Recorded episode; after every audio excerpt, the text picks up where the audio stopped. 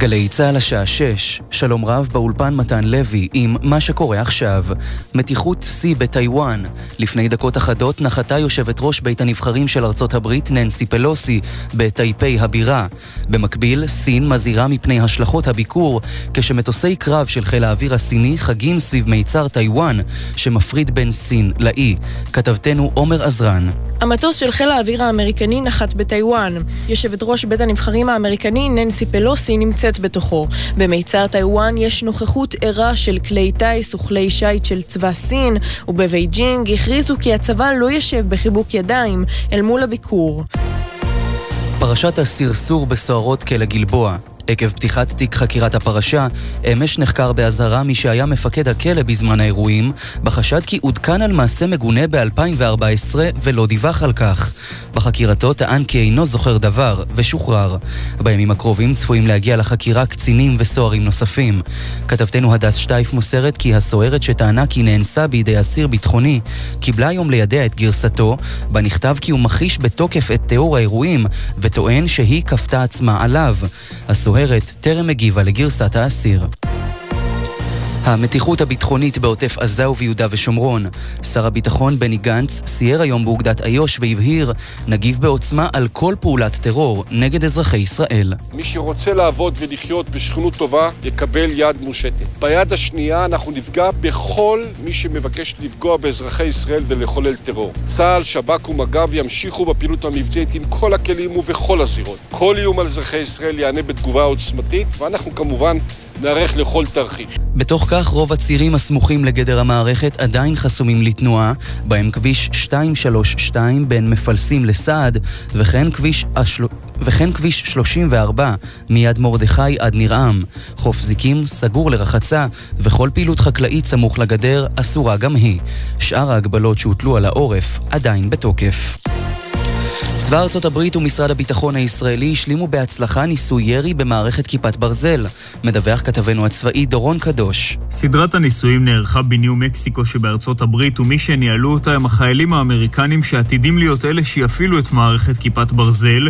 בין היתר תורגלה התמודדות מול איומים אוויריים כמו טילי שיוט, כטב"מים, רקטות ומרגמות. הניסוי הוא צעד משמעותי בדרך להצבתה של סוללה מבצעית ראשונה בשימוש צבא ארצות הברית, שככל הנראה המצב במזרח התיכון. תחזית מזג האוויר הערב והלילה בהיר עד מעונן חלקית. אלה החדשות שערך ים יוסף.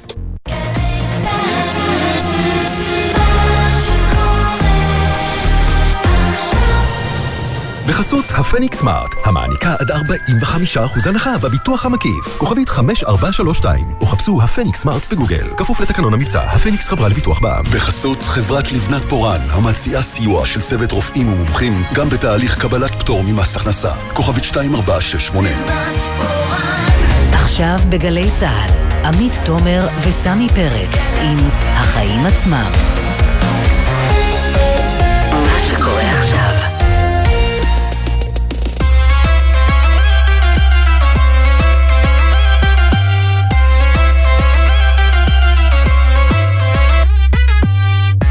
עכשיו, שש ושלוש דקות, אתם על החיים עצמם, התוכנית הכלכלית-חברתית של גלי צה"ל. אני עמי תומר, ואיתי כאן באולפן סמי פרץ. מה שלומך, סמי? אני בסדר, אני רוצה להגיד משהו בדיפלומטיות. Mm-hmm. נראה לי שעובדים עלינו. אני מנסה לעקוב אחר המאבקים סביב המחירים, אחרי שדיפלומט הודיע שהיא לא תעלה מחירים, אבל שתמשיך במבצעים עד אחרי החגים, שזה טוב לנו הצרכנים. אבל ייתכן שזה גם מהווה פתח להעלאה עתידית. אנחנו ננסה לברר את זה תכף עם איתן יוחננוב. כן, דיפלומט מצאה פתרון דיפלומטי, או לפחות מחפשת. כן. Uh, נהיה גם עם המאבק על הקמת שדה התעופה הבינלאומי שני, שנראה כרגע כמו נדנדה בין הצפון לדרום, עמק יזרעאל הנגב, ושר הביטחון בני גנץ נראה כמי שמעדיף, לפחות כרגע, לא ברמת uh, דוד. יהיה איתנו יושב ראש ועדת החוץ והביטחון, רם בן ברק, ששמע אצלו בדיונים הסגורים דברים אחרים ממשרד הביטחון ממש לפני שבועות בודדים, וננסה להבין איתו את הפער. ונדבר גם על ההשקעה החדשה של ביל ומלינדה גייטס בחברת ביוטכנולוגיה ישראלית. המנהלים שלה יהיו איתנו. כן, אנחנו נעסוק גם במשהו פחות מעודד, עלייה משמעותית בגנבות רכבים, כלי רכב יש לומר, לא רכבים. את יודעת שרכבים זה צבאי כזה? כן. כמו ציודים. אז עלייה משמעותית בגנבת כלי רכב בחודשים האחרונים, אנחנו ננסה להבין למה זה קורה, יש לזה סיבה די מעניינת. ואנחנו נסיים עם התייקרות אה, מצערת, מחירי הבירה, עמית, מחירי הבירה מתייקרים בעולם. כן, נקווה שלא יגיע ל... שזה לא יגיע אלינו, המגפה הזו. כוס הבירה שלנו, שכמו הכל, גם היא עולה הרבה יותר מאוד יקר, כן, בירה בישראל זה באמת שערורייה. כן. אה, טוב, אז, אז יש מה? לנו הרבה להספיק, מה מה? מה אנחנו עושים תמיד? מה הכותרת שלך היום, סמי? כן, אז הכותרת שלי היא שיושב ראש רשות שוק ההון, דוקטור משה ברקת, הודיע היום על התפטרותו אחרי ארבע שנים בתפקיד, ובעצם זה קורה שנה לפני סוף הקדנציה שלו, אה, וזה קורה בזמן שוועדה בראשות מנכ"ל משרד האוצר בוחנת שינוי מבנה הפיקוח על שוק ההון, וזה אולי יביא לצמצום של סמכויות הממונה על שוק ההון, לאיחוד עם הרשות הזו, עם רשות ניירות ערך. באמת שלא ניכנס לזה, כי קשה לקבוע מהו המבנה האידיאלי לפיקוח על שוק ההון והביטוח והפנסיה, שזה רוב, ה, אה, אה, רוב הנכסים הפיננסיים שלנו, אבל די ברור ש... לרשות שוק ההון צריך להיות קול בדיון הזה, אה, צריך להיות מישהו עם כוח וסמכויות מאוד משמעותי מטעמם בקבלת ההחלטה. ואני חושב שהעזיבה של ברקת, תוך כדי הדיונים האלה, אני חושב שהיא עשויה להחליש את הרשות ואת העמדה שלה לגבי מבנה הפיקוח הרצוי לשוק ההון. אני מקווה שזה לא יעלה לנו בבריאות הפיננסית שלנו. הוא היה ממונה טוב בעיניך? אה, קשה לסכם את זה בשורה אחת. אה, אני חושב שהוא התמודד עם אה, אתגרים מאוד מאוד מסובכים. בחלקם הוא היה עדין מדי. כן, גם אתה נשמע לי קצת עדין, סמי. כן, כי אה, אני תמיד מצפה שרגולטור יהיה באמת אה, נשכני ואפקטיבי וימצא פתרונות מהר מאוד, ואני אתן לך סתם דוגמה, כבר כן. שאלת. בחברת הביטוח מגדל התחלפו בשנים האחרונות הרבה מאוד מנהלים, והוא כל הזמן עשה איתם איזה פינג פונג כזה אה, עם בעל השליטה שם, במקום לבוא ולהגיד, חברים, אני שם פה מנהל מטעם הפיקוח, שהוא ייקח פיקוד על החברה הזו. משה ברקת היה מאוד סבלני עם הגחמות שם. אה, של בעל השליטה בנושאים ניהוליים, אבל אני חושב שהוא כן ראה את טובת הצרכן רוב הזמן, אני חושב שגם בתחום הזה יכול היה לעשות הרבה יותר. כן, היו שם כמה עניינים שנמשכו... בעיקר בדמי ניהול אגב, בדמי ניהול, אני חושב שכל הנושא של דמי ניהול שם צריך לחתוך. אני מסכימה אה, איתך, אז לפעמים דווקא טוב שיגיע דם כן. חדש כן. למערכת. זה אגב קשור ליוקר המחיה, אנחנו מדברים על יוקר המחיה. אה, בסדר, קוטג' וכולי, זה הרבה, זה הרבה כסף שלא נעים לנו כן. לשלם, או בירה.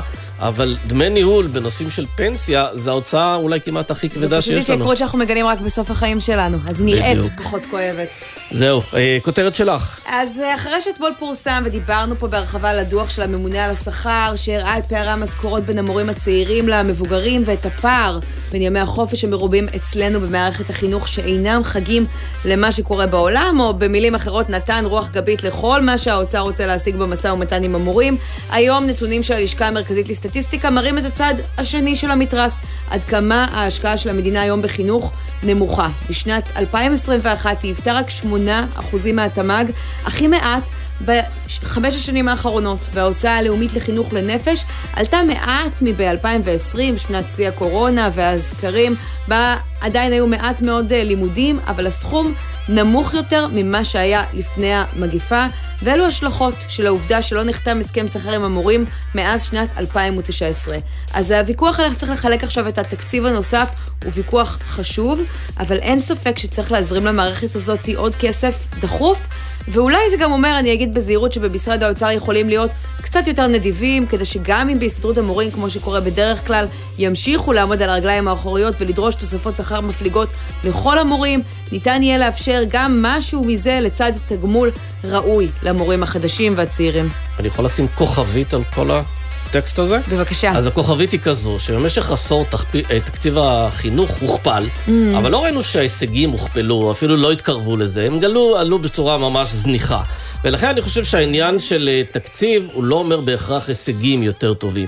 ולכן אני חושב שהנושא של בוא נקשור בין תקציבים, בין תגמול ובין uh, ביצועים. הגיע הזמן שנעשה את זה גם במערכת החינוך, אם אנחנו רוצים לשפר שם משהו. בזה אז, אני מסכימה איתך. אז הגדלת אבל... תקציב, בלי לבוא ולהציב גם יעדים ככה שאפתניים לשיפורים משמעותיים בהישגים החינוכיים של ילדינו, בעיניי היא לא בעלת ערך גבוה. כן, אבל בואו לא נהיה תמימים. בדרך כלל כדי לעשות את זה צריך להזרים, לפחות לטווח קצר, הרבה למקומות כסף. למקומות הנכונים. כן, לשנות uh, סדרי עולם. בואו נראה איך זה כן. ייגמר שם.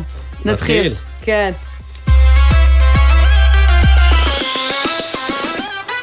אז אנחנו פותחים עם גל ההתייקרויות ועם חרם הצרכנים שרושם אתמול הישג מול אה, רשת דיפלומט, אבל הישג זמני בלבד. היבואנית הגדולה בישראל בעצם הודיעה שהיא מוכנה לתת מבצעים, שידחו את ההתייקרות לאחרי החגים, אבל התנאי הוא שהרשתות יסכימו לה אה, כעת.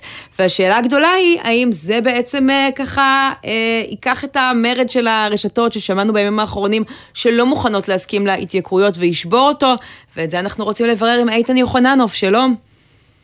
ערב טוב. מנכ"ל ובעלים של אה, רשת אה, יוחננוב, אז ההצעה הזאת של דיפלומט מספקת אותך? לא, היא לא מספקת אותנו. אנחנו רוצים אה, לראות מחירים זולים כל השנה. זה מה שאנחנו אה, עושים. אז אה, אנחנו אה, כרגע ממשיכים אה, למכור במחירים אה, אפילו יותר אגרסיביים. אה, עושים הרבה הרבה מבצעים, ומקווים שבאמת יהיה גם שינוי. רגע, אז אישרת את המחירון החדש של דיפלומט, או שכרגע אתה לא מקבל ממנה סחורה? אנחנו כרגע קונים במחירים הישנים, מקבלים סחורה. לא, אבל קונים במחירים הישנים, שמענו הדיפלומט אומרת, תוך הסכמה לאחרי החגים, רשת שלא תגיד שהיא מסכימה לזה, אנחנו לא נשלח לסחורה ולא ניתן לה את המבצעים עכשיו. לפחות לפי מה שהם אומרים, אין או או. לא, אז אני לא נכנס לדיבורים האלה יותר מדי. ויותר אה, אה, מה שנקרא אה, מעדיף כרגע להמשיך ולקבל מחירים זולים ולהמשיך למכור. ואני חוזר ואני אומר עוד פעם, את יודעת, אנחנו חברות בקמעונאות, זה עסקים מאוד לוחמנים. על הדרך שלהם ועל האסטרטגיה אבל זהו, למי יש יותר כוח? לכם, כמי שמנהלים את הסכמי הסחר שלכם עם אותם יבואנים, או לצרכנים, ועכשיו בחסות הגיבוי התקשורתי הזה, מי, מי עושה עבודה יותר טובה בלהשיג מחירים? אז אני רציתי לקפוץ במילותיך ולהגיד שהמלך הוא הצרכן. אנחנו כקמעונאים שרוצים לזכות אה, בכניסה יותר נרחבת של צרכנים אלינו, אה, עושים כדברו ומתאמצים בשבילו כדי באמת להביא אה, ערך גבוה יותר ל... אבל איך אתם מתאמצים? אתם לא אומרים אני מוריד את המוצרים מהמדפים. איך אתה מתאמץ בשבילו? אנחנו, אה, אני לא חושב שתמיד הפתרון אה, לצרכן הוא, אני חושב שההישג הגדול של שדווקא הצרכן מצפה לו זה כן להשיג את המוצר במחיר שהוא מצפה לו. רגע, אבל הצרכן אה, כרגע מצביע ברגליים, בשבוע האחרון אם אנחנו מסתכלים על טונה סטארקיסט הייתה צניחה של 22 אחוזים במכירות. מי שקרא לחרם, בין היתר ההסתדרות, גיא לרר, אומרים אנחנו ממשיכים בכל הכוח, בהסתדרות כבר מעלים היום את המאבק שלה ואומרים גם לא נקנה חבילות שי מאותם החברות, אנחנו רוצים להחרים אותם. אז... אז בסדר גמור, את רואה, הצרכן אומר את דברו ועושה. ולא רק מדבר. וזה בסדר גמור, אנחנו, את יודעת, מציגים על המדפים המון המון אופציות של אה, מותג פרטי, מוצרים איכותיים, במחירים נהדרים, זולים משמעותית מעל אה, מוצרים אה, אחרים. אתה לא התחייבת להעלאת מחיר אחרי החגים? תשמעי, אני אגיד לך מה, כשאת מדברת על התחייבות, מה זה ההתחייבות הזאת? ההתחייבות הזאת בסוף אנחנו מתעסקים בענף של, של מוכר וקונה, הקונה, זה, זה מוכר וקונה מרצון, המוכר מרצון והקונה מרצון. כל ההסכמים האלה הם הסכמים מאוד מאוד נחמדים אה, לדיבורים, הם פחות אה, אה, מעניינים את, ה, את, ה, את, ה, את המציאות. ולכן אני חוזר ואני אומר עוד פעם, גם אנחנו, אתה יודע, יש לנו בדיחה כזאת אצלנו, שמדברים על... שמישהו אומר חד פעמי, אנחנו אומרים לו בסדר. חד פעמי, ואנחנו שואפים שהוא יהיה קבוע. אז זהו, זה העניין, איתן. לפעמים זה לא מצליח. איתן, אבל תגיד, אנחנו לא נמצאים עכשיו באיזה סיטואציה שבו אומרים בוא נרגיע עד אחרי החגים, בוא נרגיע עד הבחירות, אבל... בוא, אף אחד לא אומר בוא נפתור את הבעיה הזו של יוקר המחיה בצורה יסודית. ואם היית צריך להצביע עכשיו על הגורם המרכזי שבו צריך לטפל, משווקים, יבואנים, יצרנים, איזה אותך, מקטע צריך אותך. לטפל בו? אני אפתיע אותך, יש את הגוף הכי גדול. נו, אתה תגיד ממשלה, אני מכיר אתכם. בסוף כולם מגלגלים לממשלה. כן, אבל זה לא נכון, תקשיב, זה לא נכון להגיד את זה, ממש לא נכון להגיד את זה, זה, זה עובדה מוגמרת שאנחנו חיים בעידן שאם תיקח את העשור האחרון, כל החברות הפרטיות התייעלו והביאו את ההתייעלות הזאת לתחרות. וזה עובדה, ואפשר להוכיח את זה במחקרים וב... ועדיין היבואנים הגדולים מרוויחים אה, כפול ממה שמרוויחים אה, השאר, מרוויחים הרבה יותר מבעולם. המדינה מוגנת מזה, היא לא צריכה להתייעל, היא בשלה. ולכן אני אומר עוד פעם, הממשלה צריכה גם למצוא, ותדע לך, יש, יש לי מלא רעיונות לדברים האלה, והממשלה יכולה לעשות דברים כאלה ביתר קלות. אני אתן לך דוגמה, פתרון קל שאפשר לעשות אותו, אם המדינה הייתה למשל נותנת לנו, לענף המזון, כן. הנחה בארנונה.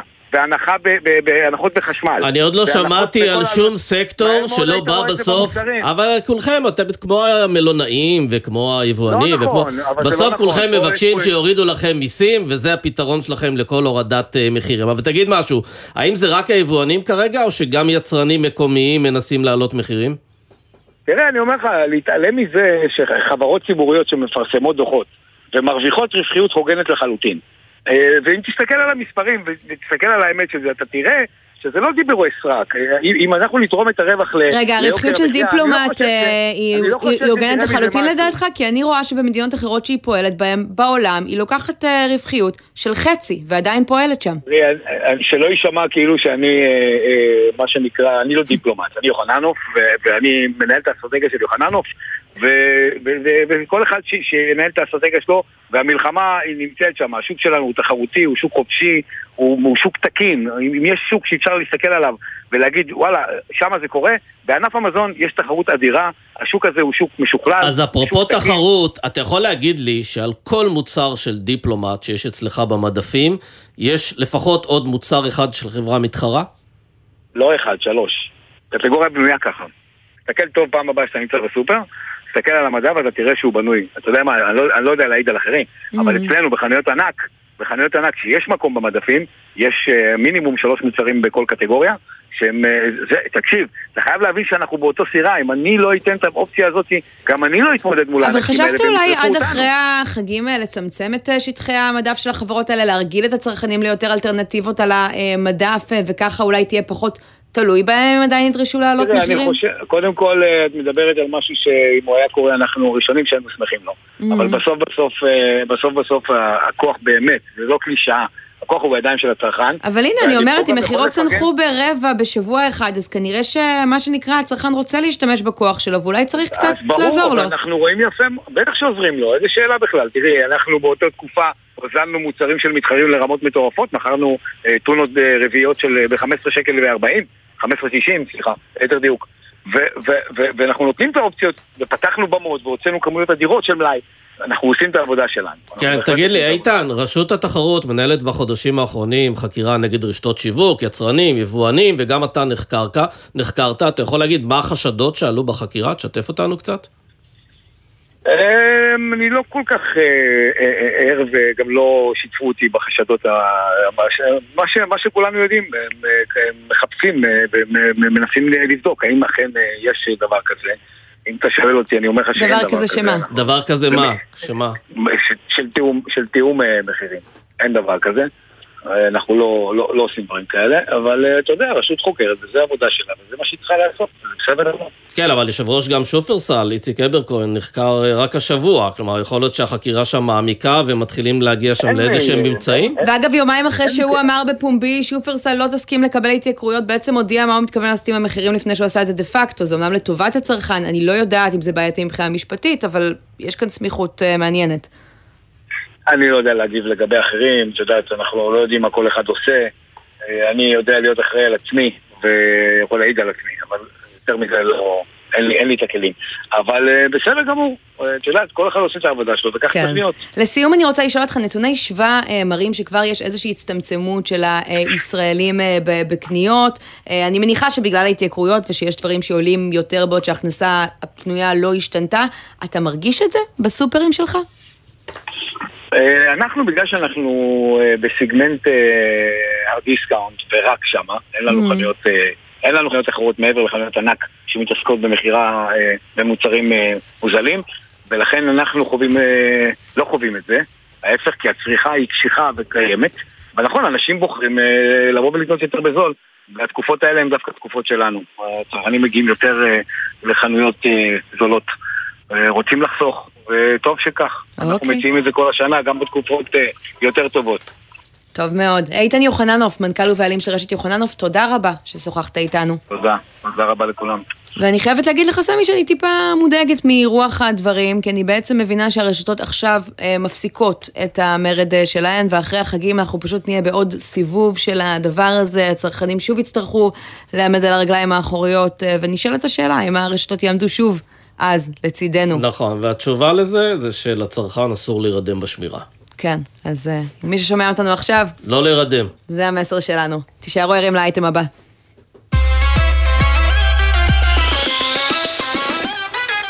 תשמעי, יש איזו סאגה שלא לא נגמרת בנושא של הקמת שדה תעופה בינלאומי שני, אה, האם זה יהיה בעמק יזרעאל או בנגב, יש ויכוח. אגב, תושבי עמק יזרעאל לא רוצים את זה שם, תושבי הנגב כן רוצים את זה בנגב, אבל יש שחקן אחד שקובע אה, איפה זה יוקם, קוראים לו חיל האוויר. ואנחנו רוצים לדבר על כך עם אה, חבר הכנסת אה, רם בן ברק, יושב ראש ועדת החוץ והביטחון. ערב טוב. ערב טוב לכם. אתה גם צריך להגיד אה, תושב נהלל, נכון? נכון. אז אתה קצת בעל עניין. אה, אתה לא רוצה שיקימו לך שדה תעופה מעל הבית ה... עם הרעפים? מה אני רוצה ולא רוצה זה פחות אה, רלוונטי. אה, האם אה, זה נכון להקים אה, שדה תעופה במקום שהוא אה, מיושב תיירותי, חקלאי, אה, צפוף, אה, ולשים, אה, להנחית עליו אה, שדה תעופה, או שיותר נכון אה, לעשות שדה תעופה במקום שהוא ריק, להקים את שדה התעופה ואחרי זה לבנות בסביבות היישובים בהתחשב בשדה התעופה, זה אחד. שתיים, אם זה נכון מבחינה, כשאתה מסתכל 100 שנה קדימה וכשאתה בונה שדה תעופה, אז צריך להסתכל 100 שנה קדימה. האם נכון לפתח אה, יותר את ה... אתה בקייטנה או משהו, חבר הכנסת בן ברק? אני, אני לא בקייטנה, אני עם הנכדים שלי בבריכה. אה, אז תמסור דש. אני אמסור. אה, לא, זה מפריע? לא, לא, לא. שומעים קצת רעשים לא, לא, זה כיף, שמחים זה כיף. בקי- ברקע. בקיץ מותר. אז רגע, אז אה, בעמק יזרעאל לא. אה, בנגב אולי כן, אבל יש פה שחקן אחד שזה נשמע שעל פיו יישק דבר, מערכת הביטחון. היא לא רוצה את זה בנגב, מכל מיני סיבות שיש בדרך לשם שדות תעופה, ויש שם את הכור וכולי. אה, אז איך, איך פותרים את הפלונטר הזה, ועושים את מה שנכון לנגב ומה שנכון למדינת ישראל? צריך קודם כל להגיד שהטיעונים של אה, חיל האוויר ומשרד הביטחון הם טיעונים כבדי משקל, אני לא, לא מזלזל בהם. מצד שני, צריך אה, להבין, יש כאן אה, מדינה שיש לה צבא וחיל אוויר, וזה לא אה, חיל אוויר שיש לו מדינה או צבא שיש לו מדינה. לכן צריך לבוא ולראות איך אנחנו בונים את זה במקום הנכון, ומה אנחנו צריכים לעשות כדי שזה יהיה שם. לצערי הרב, ההתרשמות שלי שהרבה מאוד זמן, יותר מדי זמן, ההסתכלות הייתה שזה לא יהיה בדרום, ולכן אף אחד לא בחן את זה בצורה אה, אה, מספיק רצינית. בחנו את זה, הקימו הזאת- המון ועדות והמון צוותים במהלך השנים, בסופו של דבר כל הזמן הגיעו למסקנה שעדיף בעמק יזרעאל, כי קיבלו לא, פשוט לא את הגיעו עמדת ל- הצבא. הגיעו- הגיעו למסקנה כי אף, אף פעם לא באו ובחנו את זה, מה צריך לעשות כדי שזה יוכל להיות בדרום? מה צריך לעשות? רגע. צריך לעשות הרבה דברים. אז- חלקם עולים הרבה כסף. אז אני מבינה שאתה. מסכים עם ההחלטה שקיבל שר הביטחון אה, בני גנץ, ובכל זאת, עם יד על הלב, הופתעת ששמעת אותה? אה, על זה שזה לא יהיה ברמת דוד. כן. אה, קודם כל לא ראיתי את ההחלטה עדיין, אה, רק שמעתי עליה, אני Mm. מחר בוועדה, אז אני מן הסתם אני אראה אותה. אבל אה, אני שמח על, אה, על זה ששר הביטחון לא צריך אה, להגיד שזה לא יהיה ברמת דוד. זה טוב שהוא אמר את זה, צריך להגיד איך אנחנו עושים את זה בנגב. רגע, אבל אני הבנתי שרק לפני אה, שבועיים אה, נציגי משרד הביטחון בוועדה הסגורה אה, שלך הסכימו לכל פתרון שהוא צפונית לחדרה, אז מה קרה פתאום? אני עוד לא יודע, כי עוד לא כינסתי עוד ועדה. אני, יש, אני יודע שיש איזשהו מכתב. לא ראיתי אותו עדיין, אני רק יודע שהוא קיים, אני צריך לראות אותו.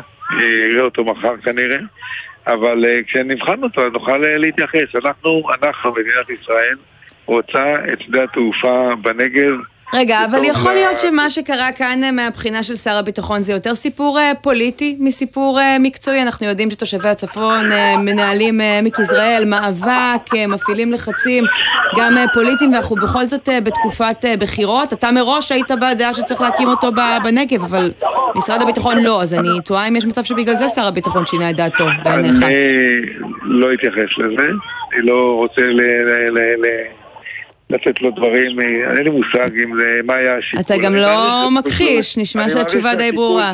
אני מעריך שהשיקול הוא שיקול ענייני, אני מקווה שהשיקול הוא שיקול ענייני, ואני מצפה מחיל האוויר ומשרד הביטחון שיבואו למדינת ישראל, לממשלת ישראל, ויגידו להם בשביל שיהיה שדה בנגב צריך לעשות 1, 2, 3, 4, 5, ממשלת ישראל תבחן את זה, תגיד, תחשוב אם זה כדאי לה או לא כדאי לה, אני מעריך שהיא תחשוב שכדאי לה, היא תשקיע את מה שצריך בשביל שיהיה לנו שדה תעופה גדול עם תחבורה שמגיעה אליו בצורה אה, אגב, יכול להיות, יכול להיות שגם הממשלה היוצא, הנוכחית וגם הממשלה הקודמת בעצם מכדררים את הבעיה הזו מממשלה לממשלה, משום שלא רוצים להרגיז אף אחד, לא את תושבי עמק יזרעאל, לא את תושבי הנגב, אז אומרים בואו בוא נגלגל את זה, בואו נדחה את זה עוד קצת וכך.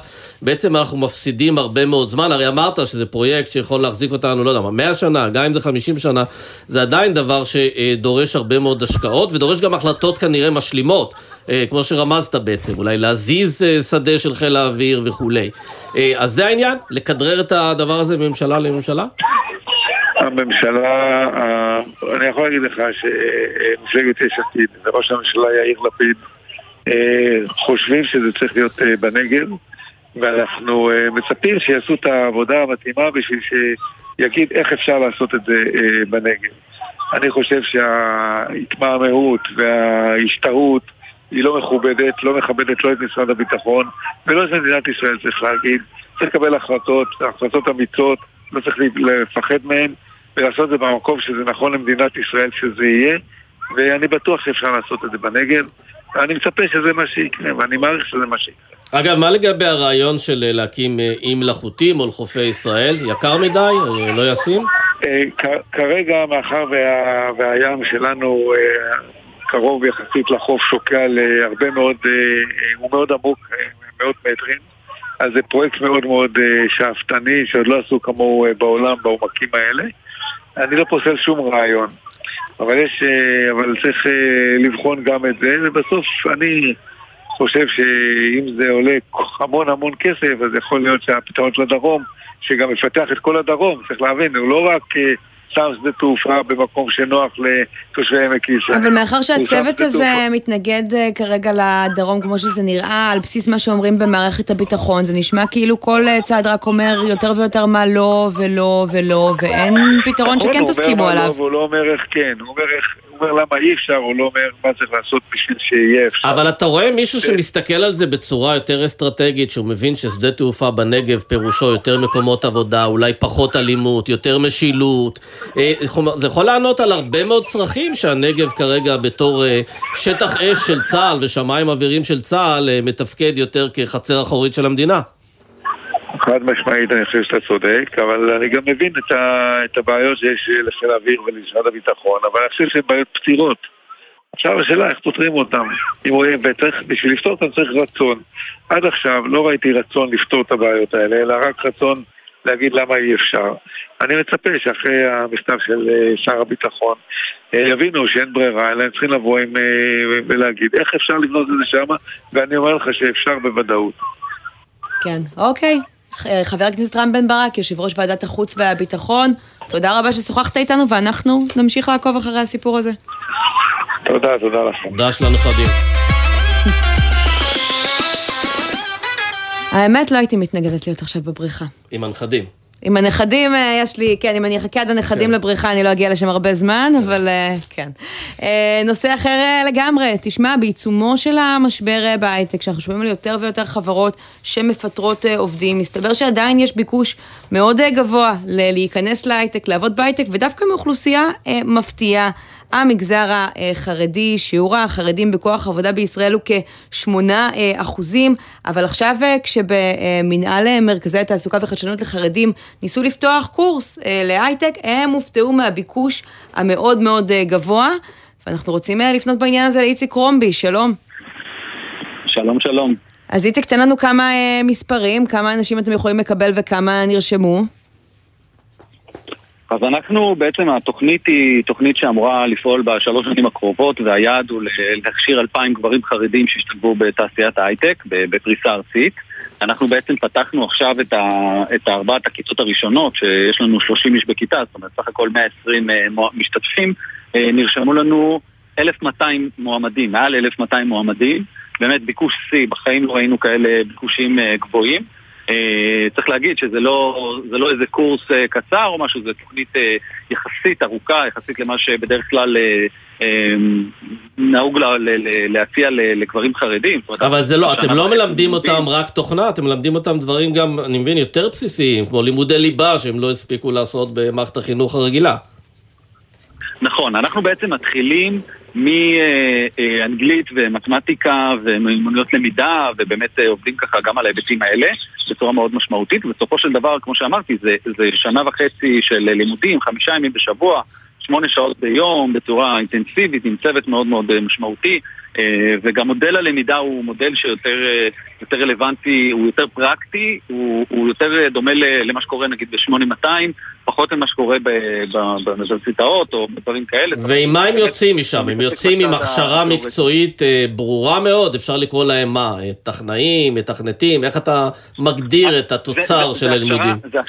כן, זה הכשרה של הנדסאים, הנדסאים וטכנאים, אה, בעצם שתחת מע"צ, זה בעצם הגוף במשרד הכלכלה ש, שאחראי על הכשרה של אה, טכנאים והנדסאים. אה, אז בעצם הם יוצאים עם דיפלום שהם יכולים אחרי זה גם כן, אגב, להשלים אותו, אחרי זה הם רוצים להשלים לתואר, או שהם אה, רוצים, הם יכולים להתקבל לעבודה במקומות ש, שדורשים תעודה.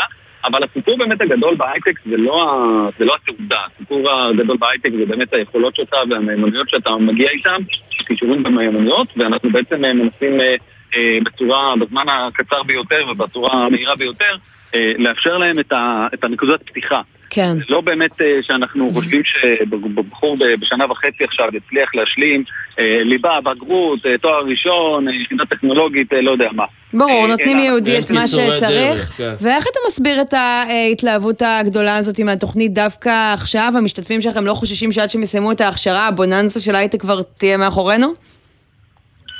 אז אנחנו בעצם אה, מסתכלים על ההייטק ואנחנו אומרים מצד אחד יש אה, אה, פיטורים ויש דברים אבל עדיין דוח של רשות החדשנות ושפורסם רק לאחרונה מראה שיש ביקוש נכון להיום של 32 אלף מתכנתים בהייטק, באמת יש ביקושים מאוד מאוד גדולים, הביקושים באורך זמן רחב בכל החברות. כן. אנחנו שומעים את זה, מנהלים של החברות. כן. איציק? איציק, אתה רק יכול להגיד לנו... אנחנו לא שומעים אותך כל כך. כן, אתה קצת נקטע לנו, אתה שומע אותנו כן. עכשיו? אז תגיד לי, רק כן, אלו כן, שכן אני... מצליחים להתקבל, מה ההבדל בינם ובין אלו שלא מצליחים להתקבל? מה, הם לא יודעים אה, לסגור את הפער אה, בתקופה כזו קצרה? אנחנו, תראו, קודם כל לא כל אחד מתאים לעבוד בהייטק, בסדר? יש הרבה ביקוש והרבה הייפ כזה סביב הייטק, לא כל אחד אה, מתאים לעבוד בהייטק וזה בסדר, אנחנו מחפשים באמת אנשים שיש להם גם מוטיבציה גבוהה, גם אבל יכולות, כישורים, מיומנויות, יכולות למידה ובאמת יכולות אנליטיות, ואנחנו בעצם עושים תהליך שהוא תהליך אה, מיון מאוד מאוד קפדני וארוך, אנחנו אה, מתחילים משאלון עומק ואחרי זה עושים משאלים פסיכוטכניים. רק היום, אני ממש עכשיו חוזר, אנחנו עשינו היום במקומות של מייקרוסופט בתל אביב אה, את השלב האחרון של, ה, של התהליך, הגיעו קרוב ל-150 אה, מועמדים, וביום חמישי יהיה עוד יום כזה נוסף. הסינון הסופי. בעצם הם...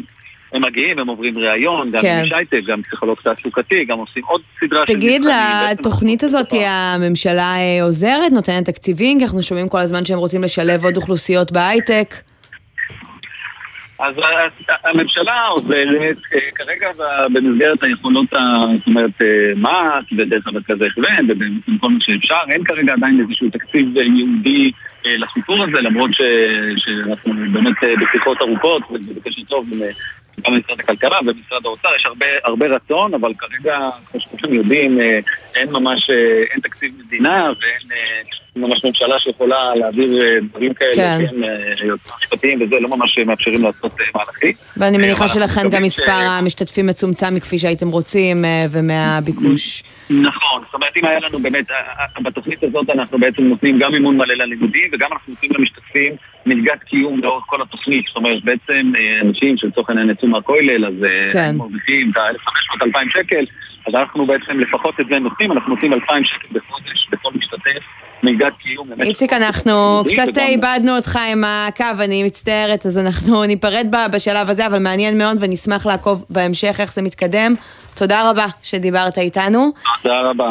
כמה תשדירים, ואנחנו כבר חוזרים עם הסיפור המעניין על חברת הביוטכנולוגיה הישראלית, שהמוצר שלה סקרן אפילו את ביל גייטס, שמשקיע בהם עכשיו. תכף.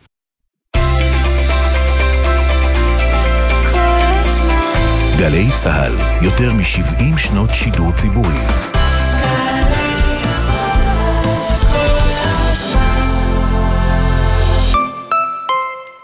בעסק שלכם, כל עובד מרגיש שווה בין שוות, וכל עובדת מרגישה שווה בין שווים? זה שווה לכולנו, ובעיקר שווה לעסק. כי עסקים שוויוניים מרוויחים יותר. משרד הכלכלה והתעשייה מעניק אותות ומענקים כספיים להעסקה בשוויון לעסקים ולארגונים המקדמים נשים לתפקידים בכירים, משלמים שכר בלי פערים מגדריים, ומאפשרים לעובדים ולעובדות איזון בין בית לעבודה. לפרטים על הגשת המועמדות, היכנסו לאתר משרד הכלכלה והתעשייה. אה, קטורזה, מה קורה? אני מקווה שאתה לא שוכח למחזר. מנסה, דדי, אבל זה מבלבל המחזור הזה. מה הולך לאיזה פח? נניח שם פושקדים. זה טואלטיקה? זה, זה פיצוחים? בן אדם היום בשביל לזרוק לפח צריך חמש יחידות פחחות. מהיום, על האריזות שהולכות לפח הכתום, יש סימון מיוחד. לישראל נגמרו התירוצים. חפשו את סמלי המחזור על האריזות ותדעו בדיוק מה הולך לאיזה פח. תמחזרו, זה מה שעושים היום. תמיר, חברה לתועלת הציבור. חדש בתיאטרון הקאמרי, החבדניקים, מחזמר חדש בהשתתפות טלי אורן, אוראל צברי, יניב סוויסה, דניאל סטיופין, עופרי ביטרמן, רפאל עבאס ושלומי קוריאט. החבדניקים, מחזמר חדש עם עשרות שחקנים, רקדנים וזמרים, ובליווי תזמורת המהפכה בניצוחו של רועי אופנהיים. החל ב-12 באוגוסט בתיאטרון הקאמרי. פרטים באתר התיאטרון. שלום לכם, כאן אבשלום קור. אנחנו ממשיכים במבצע עסקים שיש להם שמות עבריים, יפים, רעננים, שנונים. באופן מילולי, ראשון עד רביעי, בבוקר בעשרה לשש ובצהריים בעשרה לשלוש, גלי צה"ל. עכשיו בגלי צה"ל, עמית תומר וסמי פרץ עם החיים עצמם. אז היית רוצה שביל גייטס ישקיע באיזה מיזם שלך, עמית? כן, יש לי כמה רעיונות מאוד uh, מעניינים, אולי החבר'ה הבאים uh, יגידו לי איך פונים אליו. ילמדו אותנו, כן, איך עושים את זה. כן, בואו נגיד שלום לפרופסור יניב ארליך, שלום. ערב טוב. ולדוקטור איריס גרוסמן, מנכ"ל וסמנכ"ל פיתוח תרופות ב-11 Therapeutics. ספרו לנו קודם כל מה, מה המוצר שלכם. אוקיי, המוצר שלנו זה בעצם, יש מערכת בכל תא בגוף שהיא מערכת של טילים מונחית. שמה שאפשר לתכנת אותה, אפשר להגיד לה, לכי תתקפי את הגן המסוים הזה, את המולקולת RNA הזאתי, ואנחנו יודעים לבוא למערכת המתוחכמת הזאתי ולהזין אותה בקואורדינטות חדשות. תגיד לה, לכי תתקפי איזשהו גן אחר שהיא לא מתוכנתת לתקוף אותו. ובאמצעות המערכת הזאתי, הקבוצה של איריס פיתחה בעצם יכולת לבוא ולתקוף את וירוס הקורונה למשל. להגיד, הנה, יש לי פה קואורדינטות חדשות, אני נותנת מולקולה שמטעינה את המערכת ומשגרת לווירוס טילים. מה זה, זה מין ווייז פנים גופי כזה שגורם לטילים האלה להגיע למקום הנכון? בדיוק. ממש נתת לזה את, ה, את המונח הנכון. למעשה, אנחנו הופכים את תהליך פיתוח התרופות לתהליך תכנותי, תהליך של programming. ובזה אנחנו, יש לנו כוח מאוד uh, גדול uh, להיות מסוגלים, להיות מאוד ממוקדים אל הגן הנכון, שבמקרה הזה זה, זה הווירוס, ולטרגט uh, אותו ולשתק אותו. אז התחלתם את הפעילות שלכם בעקבות הקורונה? ממש ככה, כן, זה התחיל בעקבות הקורונה. אריס ואני רצינו הרבה זמן לעשות משהו ביחד, והתחלנו לחשוב על, על הכיוונים אל האלה. אל תגידו לי שזה קרה כי יצאתם לחל"ת.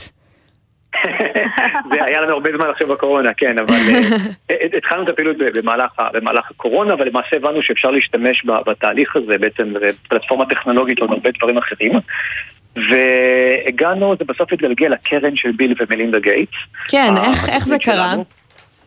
אז יש לנו שיתוף פעולה, חתמנו די בהתחלה על שיתוף פעולה עם המכון של טוני פאוצ'י, אה, המכון הלאומי למחלות זימיות בארצות הברית, mm-hmm. על שיתוף פעולה לפיתוח הזה, והם סיפרו, הצגתי להם ממש מצגת כזאת באחד מהקולגות שלי שם, מהאוטו, ממש, את כזה משהו מאוד פשוט, והוא התלהב, וכשפנו אליו מה Gates Foundation, שאלו אותו, תגיד, מה, מה אתה מכיר דברים חדשים שעושים? הוא סיפר עלינו, ויום אחד נחת לי בתיבת אימייל, היי, אנחנו מה Gates Foundation והיינו רוצים לדבר איתך. אז הם פנו אליכם. ממש ככה, ואז פה התחיל תהליך לא, לא קצר, שבו הם בעצם העניקו לנו בהתחלה מענק מחקר. ואחרי כמה זמן אמרו, אוקיי, זה, אתם עושים עבודה נהדרת, אנחנו רוצים גם להשקיע בחברה, וביחד נוצרה כל ההשקעה הזאת. אגב, ביל גייטס בעצמו, הוא ואשתו, גרושתו בעצם, מודעים להשקעות שהקרן הזו עושה? לכל השקעה הם מודעים? לא, לא לכל השקעה. יש להם אה, הרבה מאוד השקעות אה, בקרן הזאת, להמון חברות, להמון גופים, גופים גם אה, כמובן גם מגזר שלישי, אקדמיה וכו', אבל יצא שלפני בערך חודש וחצי פשוט ביקשו שאני אציג את, ה, את הפעילות שלנו. אלא עוד פעם, הוא לא מאשר כל דבר, זה פשוט יותר כדי לתת לו כזה overview. אז פגשת. את ביל גייטס? בזום זה היה, הייתי אמת ברמת הגולן, ואז עשיתי את זה מה... שמה, כן. כן, אוקיי, אז והוא שאל שאלות על הרעיון הזה שלכם? כן, כן, הוא שואל שאלות, הוא מתעניין, הוא בחור מבריק, זה, זה פשוט היה תענוג אה, לשוחח איתו. איך כן. התרשמת ממנו?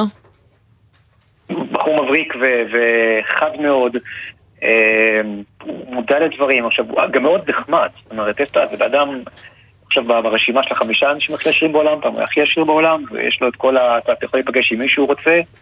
תשמע, אני לא. רוצה אה, לזלזל, אבל על כל בן אדם שהיה שם עליי תשעה מיליון דולר, הייתי אומרת שהוא איש מאוד נחמד, מאוד. סתם. זה, אגב, זה לא נכון. אבל רגע, שנייה, לגבי הכדור הזה, זה כדור אגב, איך זה, מגיע התרופה, הפיתוח הזה? אה, התרופות שאנחנו אה, מפתחים כרגע הן תרופות שאמורות לעבוד כנגד מחלות ריאה והתרופות האלה ניתנות בספרי לאף אה, ומאפשרות בעצם לא רק את ה... אה, את הטיפול התרופתי במחלה עצמה, אבל בעצם גם במניעה. את ה... בדיוק. כן, אז אם אני לוקח. את הספרי הזה, אני שם, לכל נחיר נקרא לזה כך, אז זה מבטיח לי שאני לא אדבק בקורונה, כמה זמן? זה בתהליך פיתוח, ובדיוק אה, אה, מגיע, אה, נוגע בטכנולוגיה שאנחנו מפתחים תחת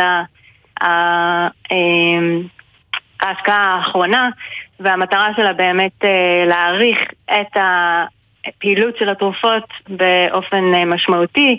ידוע שתרופות מסוג זה מסוגלות לעבוד עד כדי שנה. אנחנו אה, אה, בתהליך הפיתוח עדיין, ועוד לא יודעים בדיוק לאן לכוון את המוצרים אז השונים. ההשקעה עבור, הזאת אה, שזה תשעה מיליון דולר, מה היא צפויה לעשות? היא צפויה לזרז את התהליך, לגרום לכם לגייס הרבה יותר כוח אדם, להתרחב לעוד מחלות, אבעבועות הקוף, לא יודעת. המטרה העיקרית, מה שאיריס הסבירה, זה באמת הפלטפורמה שלנו לקחת ולטייב אותה כדי שהאורך זמן שלה יהיה מאוד משמעותי. אז מה שהגיוס הזה היה להגיד, אוקיי, יש לכם תוצאות מאוד יפות, היה לנו כבר הוכחנו תוצאות, פרסמנו את זה אמ, באוגרים, שהראינו שאנחנו יודעים להוריד בעצם את הסארס קובי 2 אם אנחנו נותנים את המולקולות כמה ימים לפני ההדבקה, הדבקה מתוכננת כמובן, והרעיון, בעצם הגיוס היותר גדול, הוא היה להגיד, אוקיי, מעולה, אחלה דבר, עכשיו תראו איך אתם מטייבים את המולקולות האלה על ידי שינויים כימיים מאוד מדויקים שאנחנו משתמשים במערכת של בינה מלאכותית יחד עם אה, אה, כימיה ברחבת היקף כדי לגרום לזה להישאר בגוף לאורך זמן הרבה יותר ארוך. כשנותן את הקואורדינטות האלה, את הנ"צים האלה למערכת, כן. שהיא- הפתק הזה יישאר שם הרבה מאוד זמן על השולחן של המערכת. כן, אבל תגיד, במקביל אליכם, אני בטוח שיש עוד הרבה מאוד חברות בעולם שמנסות לפתח כל מיני דברים שקשורים לקורונה. עד שאתם תגיעו לשוק ייקח לפחות שלוש שנים. אה, זה עדיין יהיה רלוונטי וריאלי אה, לבוא עם הפתרון הזה, או שאתם בתחרות מול שחקנים אחרים? אז יש, יש פה כמובן תחרות, וזו שאלה מצוינת. חלק מהעניין זה שהפלטפורמה שלנו, בגלל שכמו שאיריס תיארה, זה אפשר לתכנת אותה, אז מה שאתה לומד על הקורונה אתה תלמד גם לווירוסים אחרים ולגנים אחרים. כן, יש פה פתרון שהוא לא רק, אה, הוא ספציפי ואני למדתי רק דבר אחד, אלא אני יכול להרחיב אותו. אבל הדבר השני זה שמה שאנחנו רואים בעצם, שהקורונה נשארה איתנו. יש לנו עדיין גלים של קורונה, אנחנו, האוכלוסייה מחוסנת, אבל החיסון לא יודע כרגע כנגד הזן האומיקרון החדש, ה-BA5 שמסתובב, הוא לא טוב במניעת הדבקה. והיתרון שאנחנו חושבים שיש למולקולות שלנו, כן. זה שבגלל שהן עובדות כתרסיס לאף, הן מונעות גם כן הדבקות. אה, ולכן זה משהו שנותן יתרון מעבר לחיסון. זה לא מוצר שמחליף חיסון, אלא משלים לחיסון. אוקיי. פרופסור יניב ארליך, דוקטור איריס גרוסמן, מעניין מאוד ונקווה שיתממש בקרוב. תודה רבה לשניכם ששוחחתם איתנו. המון המון תודה. ואתה יודע מה... תודה, ואתה יודע מה אני לומדת מזה, סמי? שלפעמים כשאומרים לבן אדם אה, Don't call us, we call you, כן. זה באמת קורה, כנראה שאי אפשר לפנות לביל גייט, צריך לחכות שהוא ישמע ויגיע אליך. בהחלט, וכן, יש לו את הקרן הזו שמחפשת את הרעיונות האלה. כן. אז שיחקו אותה ושיהיה להם בהצלחה.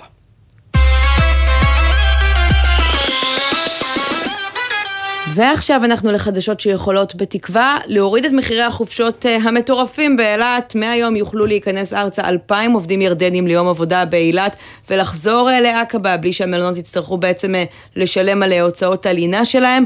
מה בדיוק צפוי ומה הסיכוי שזה באמת יקל גם על הכיס של הנופשים? בואו נגיד שלום לכתבתנו לענייני פנים, חנה אחימאיר. שלום עמית וסמי. אוגוסט נפתח ואיתו שיא עונת הנופשים מגיעה, והפעם חדשות שיכולות לפחות בתיאוריה להוזיל לנו את מחיר החופשה. נסביר, היום אושרו 2,000 תקנים חדשים לעובדים ירדנים במלונות באילת, במסגרת החלטת הממשלה שהתקבלה לפני חודשיים. עד לפני שנה, כ-2,000 עובדים ירדנים עבדו במלונות באילת, אבל כשהקורונה הגיעה, הם נאלצו לשוב לבתיהם בירדן. אחרי הסגרים הם חזרו לעבוד במלונות והתגוררו בהם כדי להפחית כדי להפחית את אה, מקרי ההדבקות בקורונה, מה שגם העלה את עלויות העבודה. מהיום למעשה חודשה מתכונת כניסתם של העובדים הירדנים לישראל על בסיס יומי, תוך ביטול חובת הלינה שנקבעה לפני כשנתיים, בעקבות התפרצות מגפת הקורונה. יואב בכר, סמנכ"ל משאבי אנוש בהתאחדות המלונות, אמר כי בתקופה הקרובה העובדים הירדנים עברו לגור במלונות וזה היה זמני ועלה למלונות כסף. עכשיו כשהחזירו את התקנים ועלויות כוח האדם של המלונות יורדות, הוא מאמין כי זה יחסוך לנופשים כסף. גם שר התיירות יואל רזבוזוב מקווה שהמהלך יביא בשורה הנופשים. כניסת העובדים הירדנים בזכות ההחלטה שהעברנו תשיב למלונאים מיידית את היכולת להבטיח חדרים נקיים יותר וכמובן שירות מהיר יותר. בכך אנחנו גם נשפר את המוצר התיירותי ואת השירות בחופשה שרכשו הנופשים במיטב כספם. אז חנה, עד כאן מה שטוב למלונות, אבל זה טוב גם לנו? מה הסיכוי שזה בכלל יוזיל את החופשות באילת, שגם ככה יש תחושה שאנחנו משלמים עליהם מעל ומעבר למשהו שמשקף את העלויות של אותם מלונות?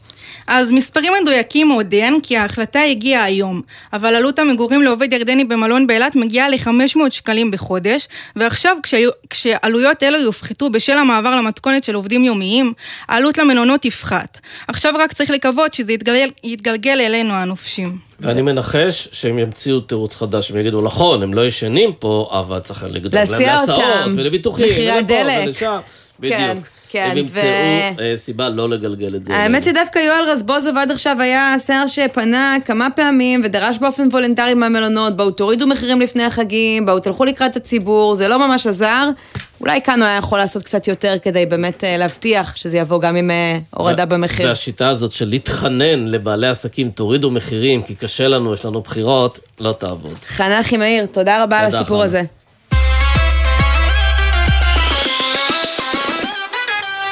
תשמעי, גונבים פה אה, כלי, כלי רכב, זה לא חדש, אבל אנחנו רואים עלייה של כמעט 150 אה, אחוז בגניבת כלי רכב במחצית הראשונה של 2022. אנחנו רוצים לדבר על זה עם אילן גולדשטיין, מנכ"ל אה, פוינטר. ערב טוב. ערב מצוין. אז למה בעצם יש עלייה בגנבות? מה הסיבה? כלכלת פשע. ברגע שהמפעלים הסינים מייצרים פחות רכיבים אלקטרוניים, מפעלי הרכב, ה-OEM מייצרים פחות מכוניות. אה, שנתיים וחצי אנחנו עם קורונה, אה, חלק מהאנשים אה, הפסיקו לעבוד, הקטינו את ההכנסות. כל זה מביא למעשה לצריכה בשוק הרכב, וכשהשוק הראשי של יצרני הרכב ויבואני הרכב לא מצליח לספק את הביקושים, כולל את החלשים, אז יש שוק משני של גנבים. וככל שהביקוש עולה, ככה... כמו יבוא מקביל בעצם, אבל של גנבות. נכון, אין מה לעשות, תשמע, זה גם... תראו, זה אה, למעשה חוק כלים שלובים. כשיש לנו היום אה, ערוצי כלכלת פשע, אז יש שם את הקנאביס, יש שם את הסחר בנשים, יש כמובן את אה, תחום הרכב הגנוב. אה, כשהמשטרה מכבידה את ידה על שוק מסוים, אז השוק האלטרנטיבי צריך לספק את החוסרים. אז מה, הידה של המשטרה לא מספיק אה, על ההדק במקרה הזה? נותנים אה, לדבר הזה להימשך? לא. אה, להחריף? תשמעו, האטרקטיביות שבגניבת רכב היא כל כך גדולה שהחוליות הפשע, גנבים למעשה זה תעשייה שלמה, מדובר על משפחות פשע עם משחטות שיושבות בשטחים. כל התעשייה הזו ממוקדת בשטחים בעצם? כן, אבל תגיד, בחודשים אתה- האחרונים אנחנו רואים שצה"ל עובד ב- מאוד בצורה אינטנסיבית, יש מבצע שובר גלים, נוכחות מאוד גדולה. זה לא אמור דווקא להקשות על אה, גנבים אה, לנוע בצירים האלה שבהם הם אה, תראו, גונבים? גם, גם כשאנחנו נכנסים בליווי צה"ל, יוצאים מכוניות, למעשה לא פוגעים בתשתיות, לא אה, מחסלים את המשחטות. למעשה המשחטות ממשיכות להתקיים, אנחנו למעשה נקודתית פותרים את הבעיות שלוקחים את הרכבים הספציפיים ש... תגידי, אבל זה לא העלמת נכנס- עין של המדינה, שאולי רוצה בקיומם של המשחטות, כי זה גם נותן אולי פרנסה לחלק מהאנשים שם, ויכול להיות שזה אפילו, בעבר גם דיברו על זה, שהשב"כ עוצם עין, כי הוא צריך מידע אה, מגנבי רכב, הוא צריך מידע על אה, פיגועים, שזה יותר חשוב לו מגנבות, אז יש פה איזה מחדל מתמשך של המדינה שגורם לכך? קטונתי לדבר בשם המדינה, אני לא חושב שהמדינה רוצה את זה. אתה יכול לבוא ולהגיד שהמשאבים שמופנים... היא לא יוצאת מנת, מגדרה, אה, נקרא לזה כך, כן. אוקיי, תשמעו, יש למעשה, אני אומר, אנחנו אחרי שנתיים וחצי של קורונה, יש חוסרים אדירים בשוק. יכול לתת לכם דוגמה קטנה של רכיב שאנחנו משתמשים בו לצורך הייצור של היחידות הטלמטיק שלנו, שבעבר קניתי אותו ב-2.1 דולר, ולאחר תקופת הקורונה רכשתי אותו ב-53 דולר. זאת אומרת, 2,500 אחוז יותר. וואו. יש חוסרים. ואגב, אני רואה שזה עוד התייקרות שמצטרפת להרבה מאוד התייקרויות, ו- ואני רואה שאמרת לתחקירנים שלנו שחלק מהגנבות נובעות גם אה, הונאות ביטוח, מאנשים שבעצם אה, ככה גונבים מעצמם את הרכב כדי לקבל את הכספים מהביטוח, זאת גם תופעה שאנחנו מרגישים שמתגברת בחודשים האחרונים? נכון, נכון, אנחנו ראינו את העלייה הזאת בתקופת הקורונה, מכוניות שהוצאו למכירה, יד שתיים, התפרסמו אחרי חודש ימים שלא נרכשו, אה, מצאו את עצמם, חלקם, כמובן, מצאו את אה, אה, דרכם לשטחים, בשיתוף פעולה של בעל הרכב עם הגנב. בעל הרכב מקבל אה, תשלום מסוים מכנופיית הגנבים. זהו, אי זאת, אפשר ממש אה, לקרוא לזה גנב במקרה הזה. כן, נכון, ואחרי זה יש את אה, תעשיית ההונאות, ואז פונים לחברות הביטוח לבקש את התשלום. חלק מהמקרים האלה אנחנו עולים עליהם, זאת אומרת, אנחנו רגע, אבל אתם מצליחים לסכל רק 80% בניסיונות הגניבה, למה לא 100? המ- המילה היא רק, היא, היא לא במקום, כי אי אפשר אה, 100 אחוז, אמרתי ב-80 אחוז כוללים, אנחנו כוללים גם, ב-20 הגנבות אנחנו גם כוללים את הגנבות בשיתוף בעל הרכב, זה תעשייה שלמה, היום הגנבים מאוד מתוחכמים, יש שם בשרשרת, אחרי בעל המשחטה, יש שם את הטכנולוגים, את המהנדסים שבאים לרכב עם אמצעים לקידוד מחדש, שמקודדים את הכלי רכב, הם משתמשים במשבשים שמשבשים חלק מהמערכות. כלומר, אפילו מערכות העיגון כן. לא תמיד אה, מספיקות, אם כי הן מצמצמות את מספר מקרי הגניבה. תגיד, מבחינת אה, סוגי רכבים, מה תיקחו יותר אה, גניב? מה אוהבים לגנוב? כמובן שמה שאנחנו אוהבים לנהוג בהם זה המכוניות שהם מעדיפים לגנוב. בעיקר כלומר? ה-SUV, הג'יפונים, רכבי... מה? כלומר, כן, כן. דו-גלגלי, יש עלייה, דו-גלגלי, גם כן יש עלייה גדולה ב- בביקושים. אם לצורכי אה, שימוש בפשע, אם אה, לצורכי שימוש עצמי. אה, יש עלייה גדולה בכלל בניסיונות לגנבות. כן. אה, 80 אחוז סיכולים זה המון. אתם יודעים מה הפתרון שלי כדי שלא יגנבו לי את הרכב? אין לך רכב. אני פשוט לא אני אותו. אף פעם, אף פעם. אז הוא נראה ישן כן, כן. ומצ'וקמק. אני צריכה לשלם אולי גם כדי שיגנבו לי אותו. פיני, אה, לא, סליחה, אילן גולדשטיין, מנכ"ל אגב, לי יש. פתרון אחר, צריך פשוט להוזיל את מחיר החלפים. לאמץ את ההמלצה. כן. אילן גולדשטיין, תודה רבה ששוחחת איתנו. תודה לכם, ערב טוב.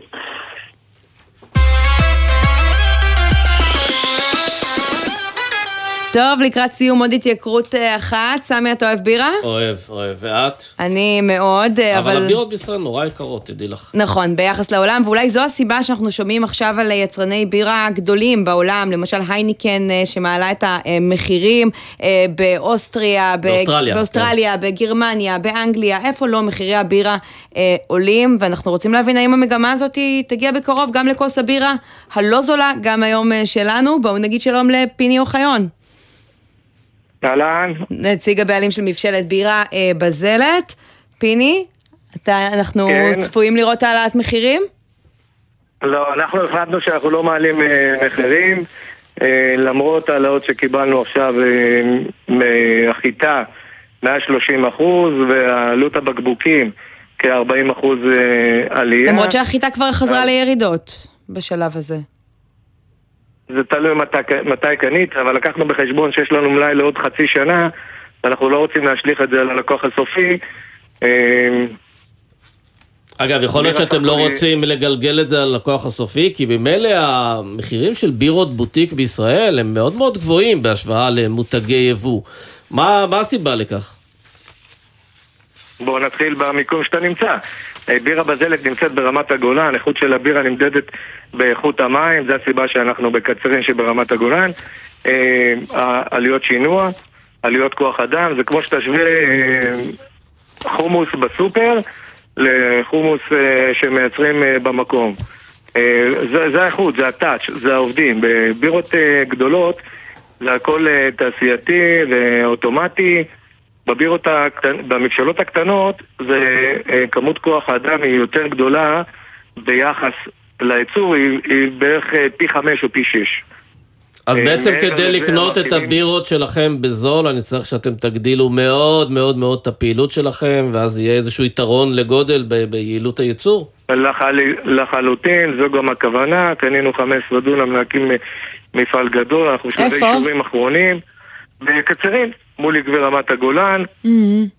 ואז בכמה תגדילו את כושר הייצור שלכם? היום אתם מייצרים משהו כמו, כמה? אנחנו- 300 אלף ליטר? היום אנחנו מייצרים בסביבות ה-400 אלף ליטר בשנה, אנחנו אה, מצפים לגדול לחמישה מיליון ליטר, שזה יהיה Game Changer, אה, כולם יוכלו ליהנות מהבירה, מהאיכות של המים. ואז זה כבר לא יהיה בירת בוטיק, זה יהיה בירה יותר תעשייתית, והיא תהיה זולה בכמה בהשוואה לבירה היום נגיד?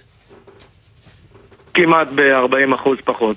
משמעותי. נו, שווה לך. ואגב, הסיפור כן. של המחירים, אתה חושב, אה, אתה אומנם החלטת לא להעלות מחירים כרגע, ממה שאתה שומע מקולגות אה, בענף, זה משהו שאנחנו כן, אבל נראה קורה? הבעיה העיקר- הבעיה העיקרית זה העובדים. העובדים אה, דופקים בדלת כל יום, ואני מבין אותם, יוקר המחיה מקשה על החיים שלהם. של כולנו. ובסופו של דבר הם צריכים להביא אוכל לילדים ולשלם כן. תשלומים לגנים. אני לא יכול לא להבין אותם. למרות ש... שזה לא בעיה שלהם אם אני מרוויח או מפסיד, או עכשיו אה, הייתה עליית אה, מחירים, ואני חייב להיות קשוב לעובדים, כי סך הכל... אה, טוב, לפחות הם יכולים לטבוע. בחינם בטיפה המרה כדי להטביע את יגונם, מה שנקרא, בהחלט ימים לא פשוטים. כולנו מתנחמים באלכוהול. פיני אוחיון, תודה רבה. הוא כבר לא איתנו, נגיד תודה לבן נצר, העורך, בתומר ברקאי, נועה ברנס ולירון מטלון שהפיקו על הביצוע הטכני, יאלי הראל, עורך הדיגיטל היה אביתר בר-און, ומיד אחרינו תהיה פה נורית קנטי עם 360, אני עמית תומר, סמי פרץ, תודה רבה. נלך לשתות בירה? יאללה. תבואו בחסות. אנשור פלוס אדוונס, המסייע לשמירה על הכוח וההגנה הטבעית. אנשור פלוס אדוונס, שאלו את הרופא או את הדייתן. בחסות מחסני חשמל, המשווקת מזגנים עיליים, מזגנים מיני מרכזיים, מזגנים ניידים, ומעניקה חמש שנות אחריות על התקנת מזגנים.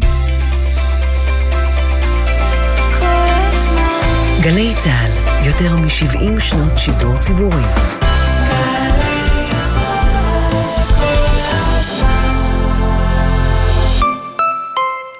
אתם חייבים? אז אתם חייבים להקשיב טוב טוב לתשדיר הזה.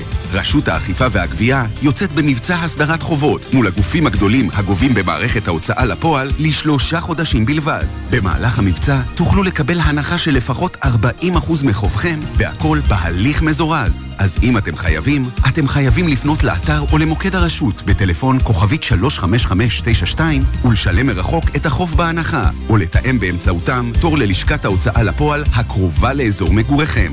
זו הזדמנות להיפטר מחובות בתנאים מקילים שלא יחזרו. רשות האכיפה והגבייה. יואו יואו, מטיילים, מבלים, מטיילים, מבלים. חופשים בירושלים, בבוקר מטיילים, בלילה מבלים. פרטים ב-iTravelJerusalem.com תגידו, אתם יודעים לשמור סוד? נראה אתכם פותרים את תעלומת החמישייה הסודית. אנו, מוזיאון העם היהודי, מזמין את כל המשפחה למסע בעקבות חמש דמויות מסתוריות. פעילות חווייתית וממוזגת הכלולה במחיר הכרטיס. הקיץ הזה, כולנו באנו. לפרטים ולהזמנת כרטיסים, היכנסו לאתר. בין קריית שמונה לירושלים יש כ-20 גלידריות. והן 20 הזדמנויות להרגיע את הילדים המשתוללים מאחור מבלי להסתכן שמישהו יפגע בכם חלילה. אז בנסיעה הבאה אל תעצרו בשולי הכביש ואל תסכנו את החיים שלכם וחיי ילדיכם. הרלב"ד מחויבים לאנשים שבדרך.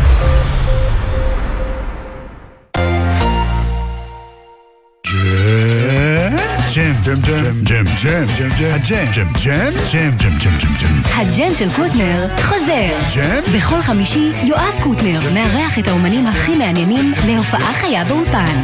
והשבוע ג'ימבו ג'יי וקורל ביסמוט. הג'ם של קוטנר, עכשיו ביוטיוב של גלגלצ. וביום חמישי בשתיים בצהריים בשידור בגלי צה"ל. ג'ם חוזר. מיד אחרי החדשות, נורית קנטי.